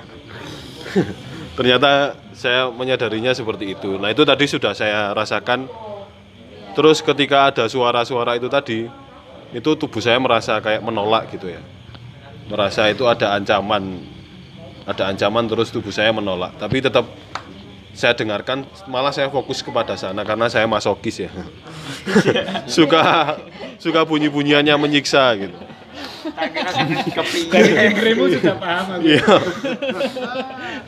itu memang dari lagu-lagu saya yang saya dengarkan itu banyak yang kayak gitu jad- dijadikan musik gitu ya. Jadi memang suka kepanikan terhadap musik gitu. Itu saya fokus di sana itu terasa mencekamnya bagi saya. Kayak saya ada di ground zero peperangan gitulah. Nah itu saya merasa ada hal yang mencekam tapi ya benar kata dari Pak Sindu tadi bahwa cukup disaksikan saja. Meskipun tubuh saya tidak nyaman, menolak, terus pikiran saya jadi ke mana-mana. Bahkan sebelum meditasi pun pikiran saya sudah ke mana-mana karena ada teman-teman yang baru datang. Itu saya, ini gimana ya membuat caranya orang-orang itu nyaman gitu. Jadi kan saya itu memang terbiasa untuk melayani. Jadi buruh. jadi buruh. Auto kedibal. Ya itu terus ketika saya menyaksikan itu jarang muncul. saya dengan ketidaknyamanan itu jadi jadi berjarak gitu ya. Jadi berjarak, saya ada diri saya yang menyaksikan ketenangan itu. Nah itu mungkin nyambung dengan konsepnya Ki Ageng Surya Mentara. Bahwa di dalam diri kita itu ada dua entitas yaitu tukang nyatet dan tukang nyawang. Tukang nyatet itu kita memiliki banyak identitas yang ada sembilan lah ya di buku sebelas apa sembilan itu di bukunya Ki Ageng Surya Mentaram itu. Yang paling utama itu semat derajat pangkat lah, aku. Ya tiga itu. Itu harta, kedudukan dan jabatan. Itu yang paling melekat dan itu sering menimbulkan ketakutan.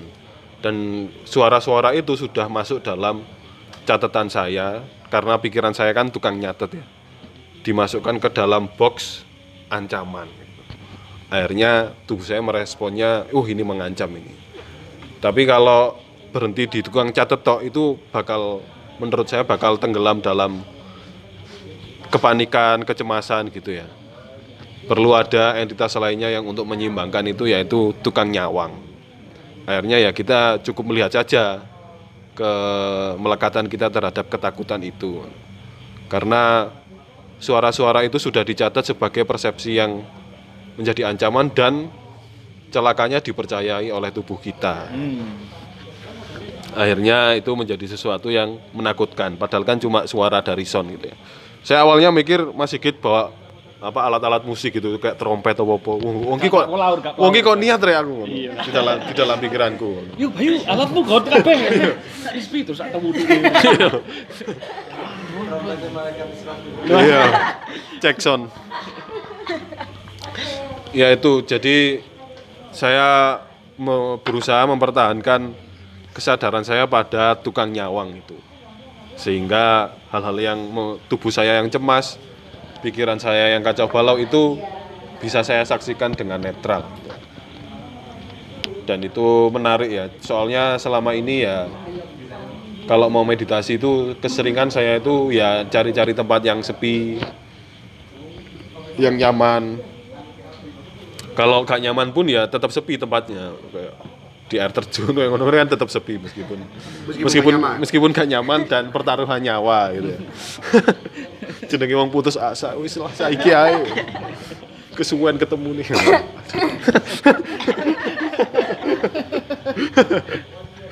ya itu. Jadi itu bisa membantu saya untuk tetap menjaga kesadaran.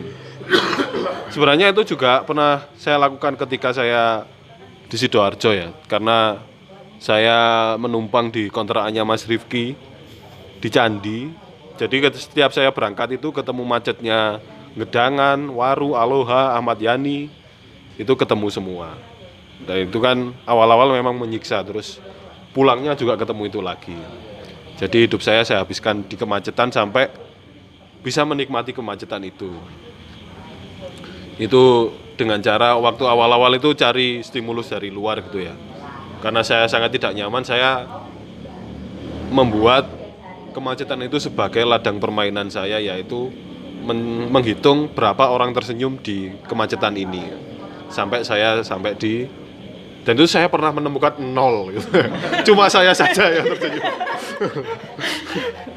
Itu pertamanya semua orang tersiksa dalam kemacetan tidak orang tidak ada orang tersenyum di jalan Ahmad Yani wow, itu so tadi novel itu. itu terus pertamanya stimulus dari luar terus akhirnya dicoba dari diri saya sendiri bernafas terus sampai pernah saya coba untuk melekan sepanjang malam terus pulangnya pagi-pagi gitu ya itu bisa nggak saya tetap tenang meskipun tubuh saya menyiksa jalannya menyiksa ya bisa tenang sih meskipun sering loh apa kayak moro-moro turu tiga detik moro melek meneh ngono lho kok sekali ketabrak ngono. Bukan bisa mengancam. Jangan masokis.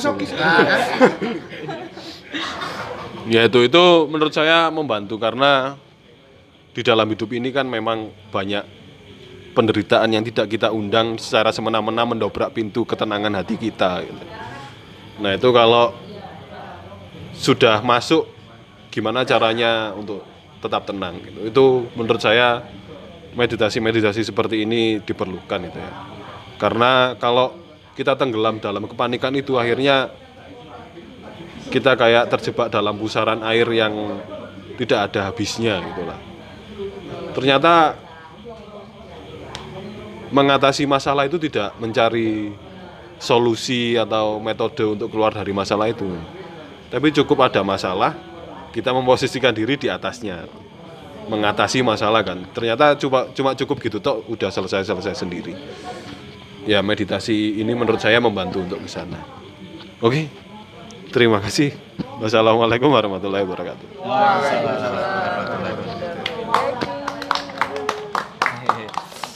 Ya, terima kasih sudah memberikan saya waktu untuk berpikir menyambungkan tema malam ini. Sebetulnya kenapa alasan mungkin pribadi saya ya. Untungnya teman-teman bersedia gitu aja. Karena memang biasanya ruang-ruang seperti ini diberikan di tempat-tempat yang nyaman. Yang sepi gitu ya. Hawanya enak, sejuk, bersih kadang karena di di bawah gunung atau jauh dari dari lingkungan misalnya penduduk. Ya itu bagus menurut saya bagus. Itu dibutuhkan. Tapi ada sisi di mana itu tidak realistis. Karena hidup kita tidak di sana terus kecuali kalau iya.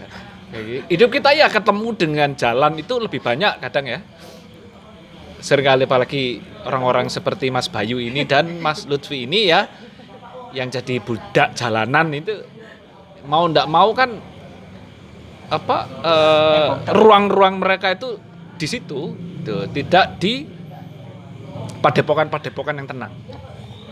Maka itu menggerakkan saya untuk bagaimana memberikan persinggungan peristiwa ini menjadi real. Di mana kita melatih atau mengolah diri kita, misalnya ketenangan itu ya, itu di tempat-tempat yang memang kita kunjungi dalam keseharian. Makanya dulu-dulu kan di Taman Merdosari atau kalau Mas Bayu lapangan opo, ngono. terus ide kemarin di pinggir jalan misalnya, gitu. karena ya memang ruang-ruang itu milik kita yang sebagai manusia modern ya. Nah itu menjadi realistis menurut saya. Baru harapannya di mall gitu. Oh. Gimana dong? Gitu. Mau Iya. rasa coban. Saya tolong diingatkan ya.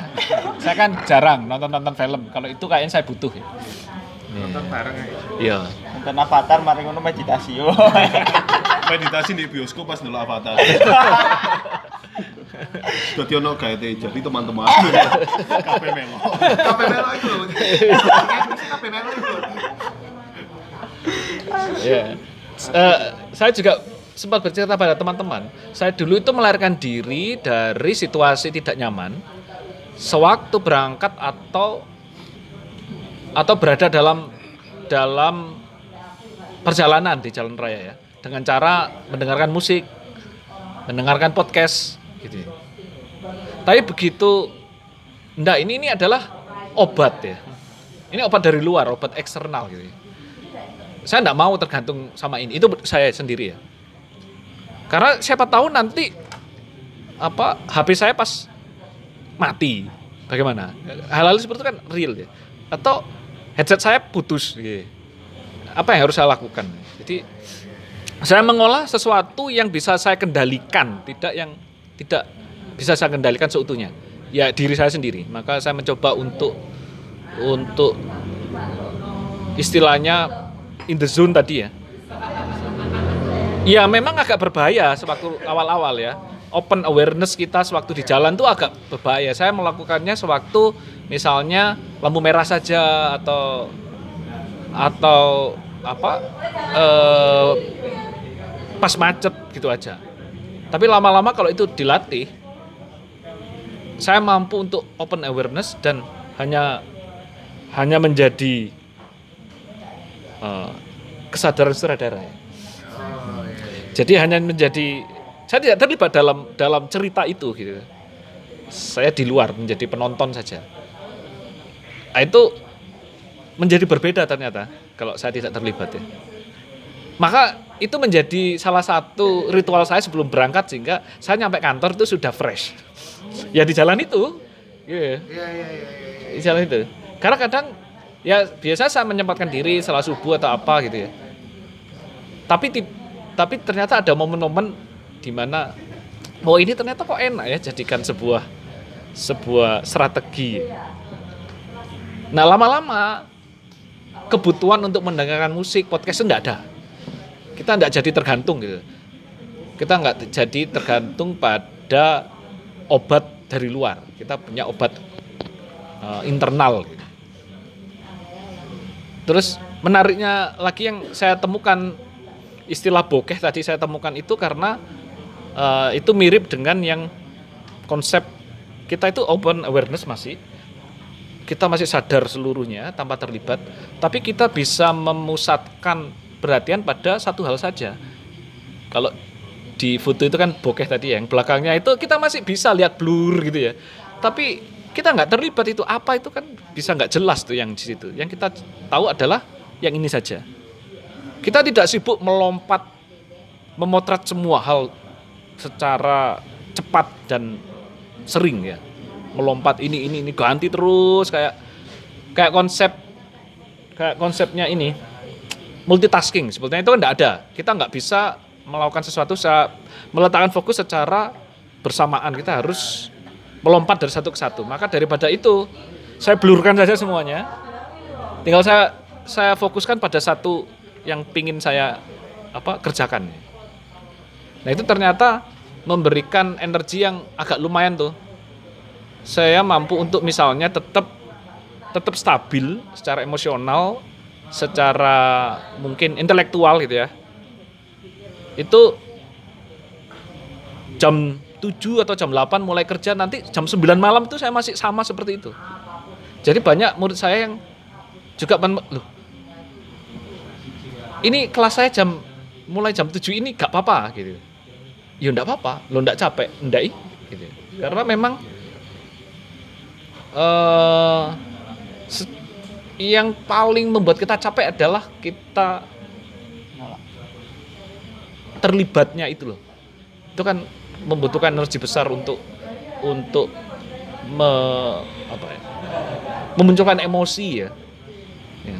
Itu memakan energi besar, ini menyedot besar. Dengan itu saya kok ya lumayan agak tenang. Dan bener kata Mas Lutfi tadi, ya lumayan agak cerdas jadinya. Gak tahu ya, itu misteri ya. Iya. Begitu kita menjadi pengamat saja itu bisa cerdas. Begitu kita tenang itu banyak hal yang sebelumnya tidak kita pikirkan itu tahu-tahu muncul aja. Iya. Dan eh, saya tinggal mencari cara bagaimana itu saya pertahankan dalam dalam apa jangka waktu yang panjang. Ya memang ada di ma- di mana waktu-waktu formal misalnya misalnya eh, waktu-waktu beribadah itu yang memang melepaskan diri kan dari dari jeratan pekerjaan misalnya gitu. Jerah. Sekarang saya tidak melakukan tidak melihat sebagai sebuah jeratan sebetulnya. Ya. Menikmati saja. Ya. Mungkin begitu eh, upaya saya untuk menyambungkan konsep bokeh. Lidah buaya. Menyambungkan lidah buaya. Nah, silakan saya berikan waktu untuk siapa saja untuk merespon. Terserah guys. Siap.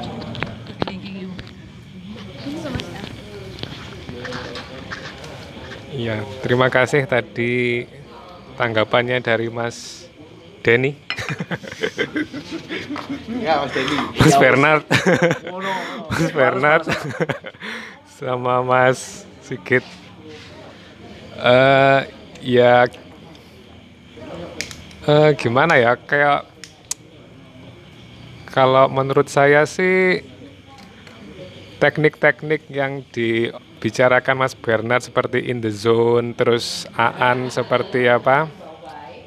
Ketika ada masalah kita ada di atasnya, terus dari Mas Sigit tadi eh, dengan apa? Meditasi, terus kita berusaha menghadirkan dunia nyata, menghadirkan dunia nyata karena ya dunia nyata itu ya berisik gitu ya. Dunianya tuh berisik nggak nggak mungkin kita itu seperti misalnya di buta misalnya di Gunung Buta atau di Gunung Arjuno yang sepi gitu kan nggak bisa gitu. Tapi kan kalau ya itu menurut saya tuh kita manusia itu ada kecenderungannya di mana kita itu nyaman gitu. Kan bahkan apa kalau berdasarkan kalau ini ngomong sedikit ilmiah atau intelek gitu ya. Kalau bunyi kan ada desibelnya. Itu jadi ada desibel berapa manusia itu nyaman gitu. Sampai ukurannya segitu. Jadi pada desibel apa bunyi kekerasan tertentu itu sudah level gak nyaman. Tapi bukan berarti kita itu apa tidak bisa memilih untuk menghindari itu kan. Ke- kayak misalnya dihubungkan dengan yang materi minggu lalu yang kalau nggak salah katanya Haruki Murakami itu kan pain is inevitable but suffering is optional gitu. Ya. Kan kalau eh, faktanya apa faktanya atau memang setahu saya itu kalau sudah kebisingannya tinggi itu sudah pain, sudah manusia itu sudah ada rasa painnya sudah gak nyaman gitulah. Tapi ya memang suffering sufferingnya kan itu masih optional gitu lah.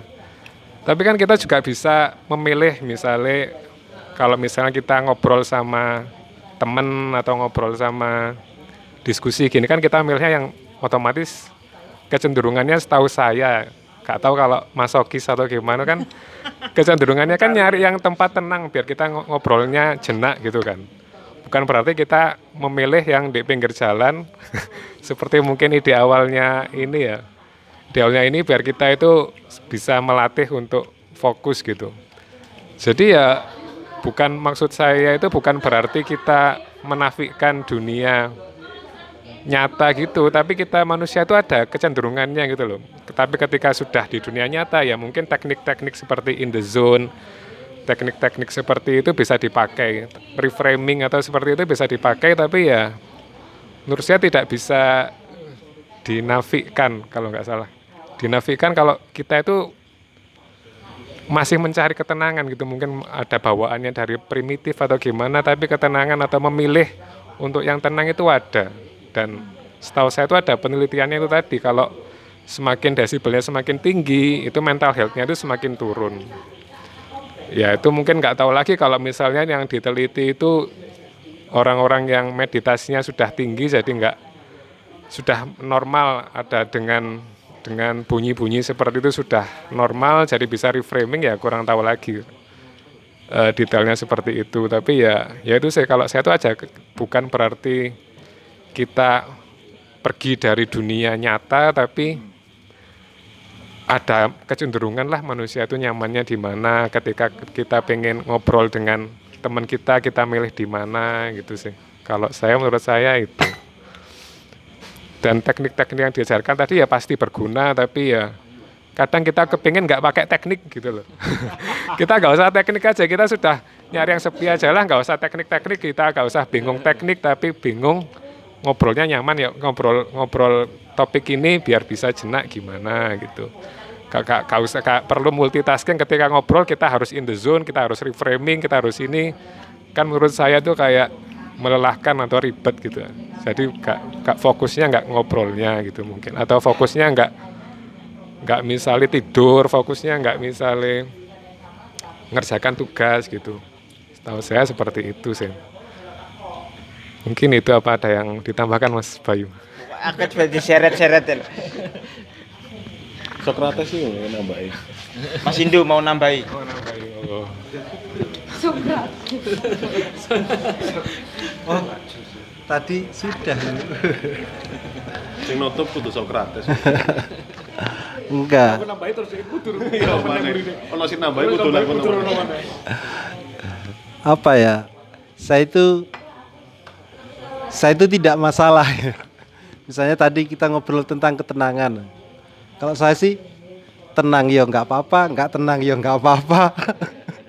Jadi misalnya sepi ya nggak apa-apa, rame ya nggak apa-apa. Artinya Surya saya berusaha itu tidak mempersoalkan. Kalau saya menggarisbawahi itu persoalan persahabatan aja. Artinya begini, seperti tadi yang diomongkan, ketika kita kehujanan, sudah kita bersahabat aja dengan kehujanan itu. Kalau kita sedang kita mengang- menganggap dalam situasi derita, kita bersahabat aja dengan derita itu. Kalau saya itu aja, jadi ya bersahabat aja. Maka eh, bagi saya kan ancaman satu derita itu karena kita tidak bersahabat dengan kehadiran. Bahwa masing-masing kehadiran itu eh, saya kira fungsi meditasi itu ke sana karena itu sangat subjektif ya. Jadi secara metodik ya memang karena kalau kita berlatih maka itu adalah itu secara metodik ya. Tapi targetnya adalah seperti yang tadi disampaikan Mas Sigit, coba kita alihkan ke sini, alihkan ke sini, dialihkan kesadarannya dialihkan. Bagi saya meditasi itu kan ada directed, ada undirected. Jadi eh, targetnya ya sangat subjektif, sangat subjektif sekali. Eh, mungkin seperti yang disampaikan Mas Sigit ketika di kemacetan tadi. Kalau kita bersahabat dengan kemacetan itu maka ya sudah seperti kehadiran sahabat kita. Memang itu eh, karena kita manusia yang hidup di dunia materi maka perlu metode memang perlu membiasakan. Pola-pola latihan seperti ini sebenarnya kan membiasakan saja tuh. Ya membiasakan. Kalau tidak terbiasa maka ketika tadi persoalan volume volume kebisingan itu bagi saya persoalan subjektivitas saja persahabatan saja Eh, yang dicontohkan tadi misalnya Mas Bayu setiap hari di jalan ketika dia bersahabat dengan kebisingan itu sudah biasa maka dia akan menemukan keheningannya di tengah kebisingan itu maka walaupun kita di satu yang yang sangat hening sama sekali kalau kita tidak bersahabat dengan itu maka di situ tidak akan pernah menemukan keheningannya jadi intinya bagi saya bukan berarti saya itu eh, tidak reaktif terhadap kehadiran apa pun ya. Ya secara secara manusiawi itu mesti reaktif. Kehadiran yang yang tiba-tiba itu mesti ada ada mereaksi tubuh kita itu mesti mereaksi. Tapi ya sudahlah. Kalau misalnya dari reaksi itu membuat tidak nyaman, tidak nyaman ya nggak apa-apa. Kita saksikan aja. Gak nyaman sih, Oh iya kok nggak nyaman. Nyaman ya nggak apa-apa. Tenang ya nggak apa-apa. Nggak tenang ya nggak apa-apa. Kalau saya ke sana, artinya eh, berupaya ke sana ya. Kalau saya sudah sampai ke sana kok rasanya kayak apa aja? Ya enggak, enggak enggak perlu enggak perlu begitu juga. nggak perlu misalnya oh kalau saya ini sudah bisa menikmati ya enggak juga saya itu nggak bisa menikmati ya nggak apa-apa menikmati ya nggak apa-apa. Ya gitu aja. Artinya apa? Yang kita baca ke dalam adalah diri kita. Kadang itu kan persoalan ukuran toh. Jangan jangan-jangan kita membaca diri kita ini yang yang belum belum sampai tuntas. Sehingga kita begitu mereaksi begitu besar terhadap kehadiran yang dari luar karena karena belum tuntas pembacaan terhadap diri kita. Eh, kalau saya di di sana ya, jadi selama ini saya memahami meditasi itu adalah pembacaan terhadap diri kita.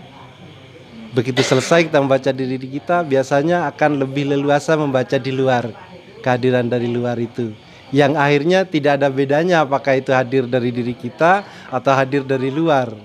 Ya biasa saja. Persoalan nyaman gak nyaman, ya nggak masalah. Terima kasih. Itu aja dari saya. Waalaikumsalam. Ditambahi kok kan tanu meneh lho iki.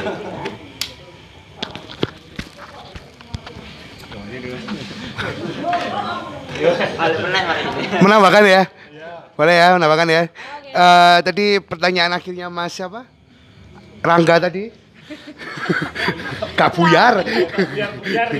Mas Rangga tadi eh iso apa ora sih eh gak perlu pakai metode-metode tertentu gitu kan Mas ya? Jadi kita merasa nyaman gitu, ya. Betul gitu ya? Kurang lebih begitu. Pas ya, Bi?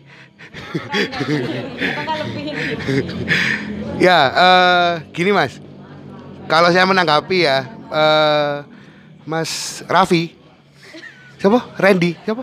Sorry, sorry, sorry. Rifki, Rifki, Mas Rifki, eh, apa namanya? Yang sampean katakan tadi itu yang pertama, eh, menurutku itu insight yang bagus buat aku dan itu sangat tidak menafikan kondisi di mana memang manusia itu di titik tertentu terhadap semua panca indera kita itu punya batasan tertentu. Kuping punya batasan, mata kita juga punya batasan tentang lumens tertentu yang bisa kita lihat.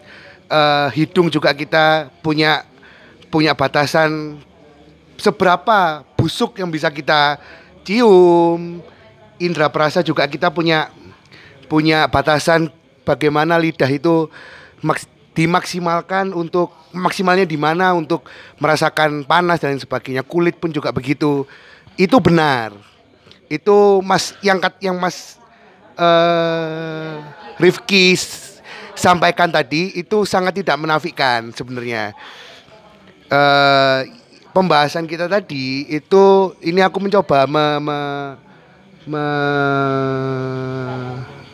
membungkus ya. Jadi yang ku dapatkan dari pembahasan ini adalah ya eh, setiap manusia itu sebenarnya apalagi kita latihan meditasi ya. Setiap manusia itu melakukan segala sesuatu itu tujuannya untuk untuk otomatisasi. Jadi kita berlatih itu untuk otomatisasi. Seperti kita eh naik gunung. Naik gunung kita berapa kali ke gunung sehingga kita itu bisa otomatis wis. Gak perlu lagi sebelum pertama kali naik gunung kita seminggu sebelumnya prepare. Lama kelamaan hamil lima menit kita baru prepare. Dan jangan-jangan dan jangan-jangan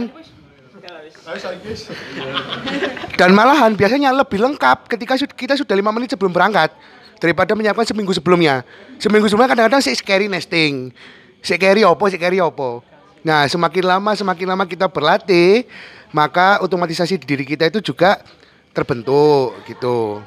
Nah kalau ngomongin pertanyaannya adalah bisa nggak sih kita itu eh, merasakan nyaman tenang dan eh, berada di dalam kondisi yang yang hening, yang tidak yang tidak mengganggu dengan instan tanpa konsepsi the zone, tanpa tanpa perlu mereframe, tanpa perlu eh, ngapa-ngapain, sangat bisa. Sangat bisa di waktu tertentu ketika memang kita sudah melalui segala hal. Gitu. Karena segala segala yang kita bicarakan tadi itu kalau di aku ya teman-teman, itu aku mengenalnya people skill dan people skill itu nggak akan hilang kalau kita nggak meninggal. Dan people skill itu kita mulai dari sedari orok. Jadi mental pun itu kalau di konsepsiku adalah mental skills. Jadi itu adalah sesuatu yang bisa dilatih sehingga nanti bisa di kemudian hari itu muncul secara otomatis. Gitu. Jadi jadi eh, apa namanya? Ketika ketika kita nanti di suatu masa itu membutuhkan ketenangan, maka kita sudah tidak capek-capek perlu perlu capek-capek lagi buat ya apa caranya nge-reframe yo. Itu udah itu udah otomatis. Seperti lagi kita pakai jaket. Kita pertama kali tahu kalau dingin tuh harus pakai jaket. Salah satu jalan keluarnya adalah pakai jaket adalah dari ibu kita atau dari orang bersama kita. Ki- ki- Kita dikasih tahu. Pakai jaket, jaketnya yang tebel, jaketnya yang ini, yang ini, yang ini. Di kesempatan kedua, ketiga, kita pasti salah. Kita pakai jaket yang tipis, masih salah. Latihan lagi. Gimana caranya? Jahit, jahit jaket yang tebel. Sehingga di kemudian hari ketika kita sudah merasakan perbedaan suhu, kita langsung otomatis cari jaket. Nah itu kan eh, itu kan jalan keluar tetap. Dan apakah di usia kita ketika sudah sudah lebih dewasa, apakah itu hal yang rumit? Enggak. Kita merasakan itu hal yang mudah. Cari jaket tidak tidak serumit itu. Tapi ketika kita dulu waktu kita masih awal-awal keluar rumah, golek jaket itu kok wangel, kudu nggo jaket, kudu ribet. Ada yang pernah merasakan? Keluar rumah itu ayo nggo jaket. Wah ribet, Mak. Ada kan ya? Merasakan kan? Tapi ketika kita dewasa, kate di kongkon wis gak gak jaket dewe karena awareness kita bertambah, eh, pengalaman kita bertambah, kita juga sering mendapatkan kondisi yang yang serupa sehingga kita otomatis mengikuti naluriah kita, mencari keamanan, mencari kebahagiaan dan manusia itu eh, selalu arahnya adalah tentang hal yang baik untuk dirinya, maka ya otomatis dia akan melakukan hal yang yang seharusnya dia lakukan gitu. Gitu kalau menurut saya. Terima kasih semuanya. Bagaimana Mas?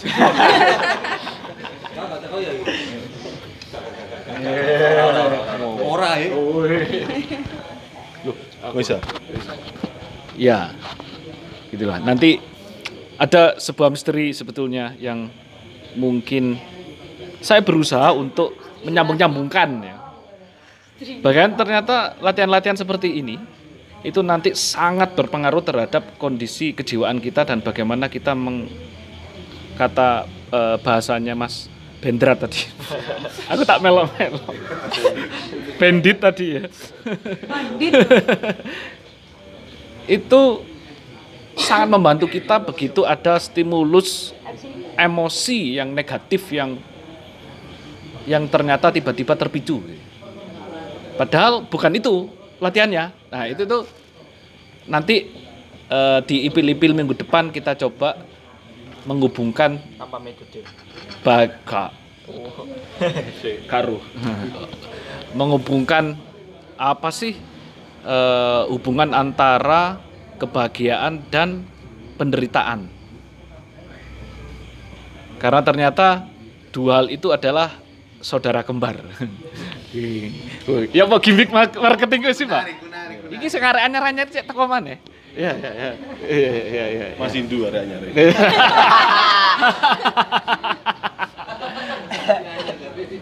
Ya, begi- begitulah. Mungkin gitu silakan pada moderator. Oke, kita sudah di penghujung acara. Sebelumnya saya menambahkan dulu.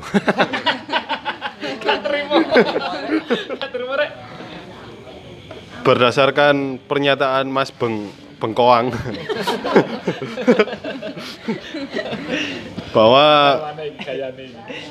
tujuannya adalah otomatisasi, automatisasi dan itu adalah people skill. Saya setuju gitu ya tapi menurut saya skill itu tidak dicari.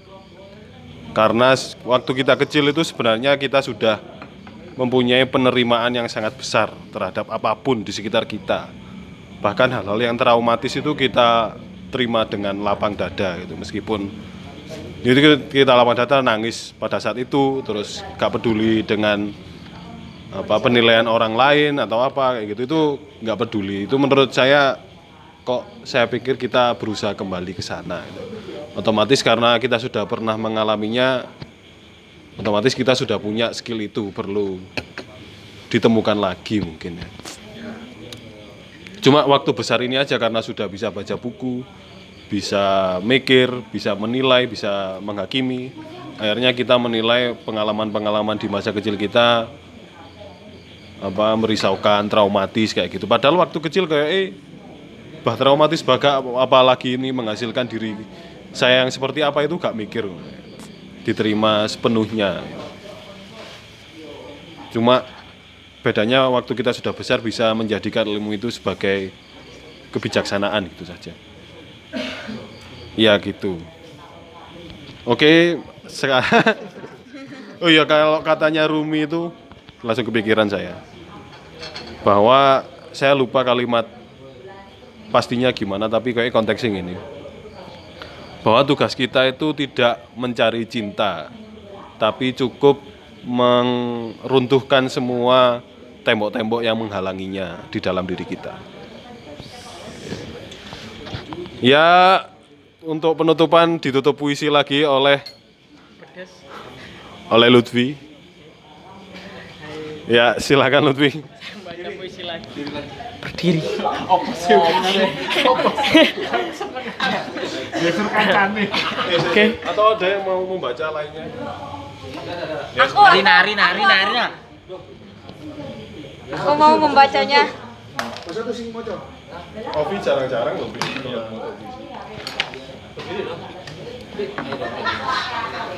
Harus berdiri, guys. Ya, diganti aku ya yang baca. Hidup hanya hidup. Tanpa hanya sesal adalah alasan menghinakan diri. Benci adalah langkah untuk mengaleniasi.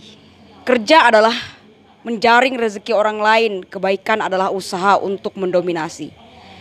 Dalam sekedar hanya sesal adalah cara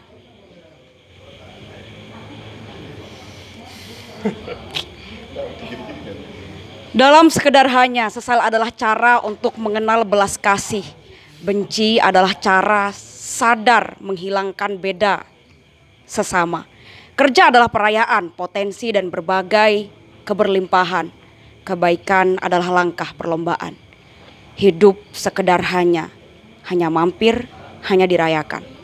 Seperti air menjelma menjadi samudra, mengekspresikan dirinya, ombak lembut, ombak nakal, tsunami yang menghancurkan, menjadi hujan, menikmati angkasa, turun menjadi kubangan, mengganggu dan menghindari atau terserap tanah dan menghidupi, mengalir menjadi sungai, mengalir dan menghidupi.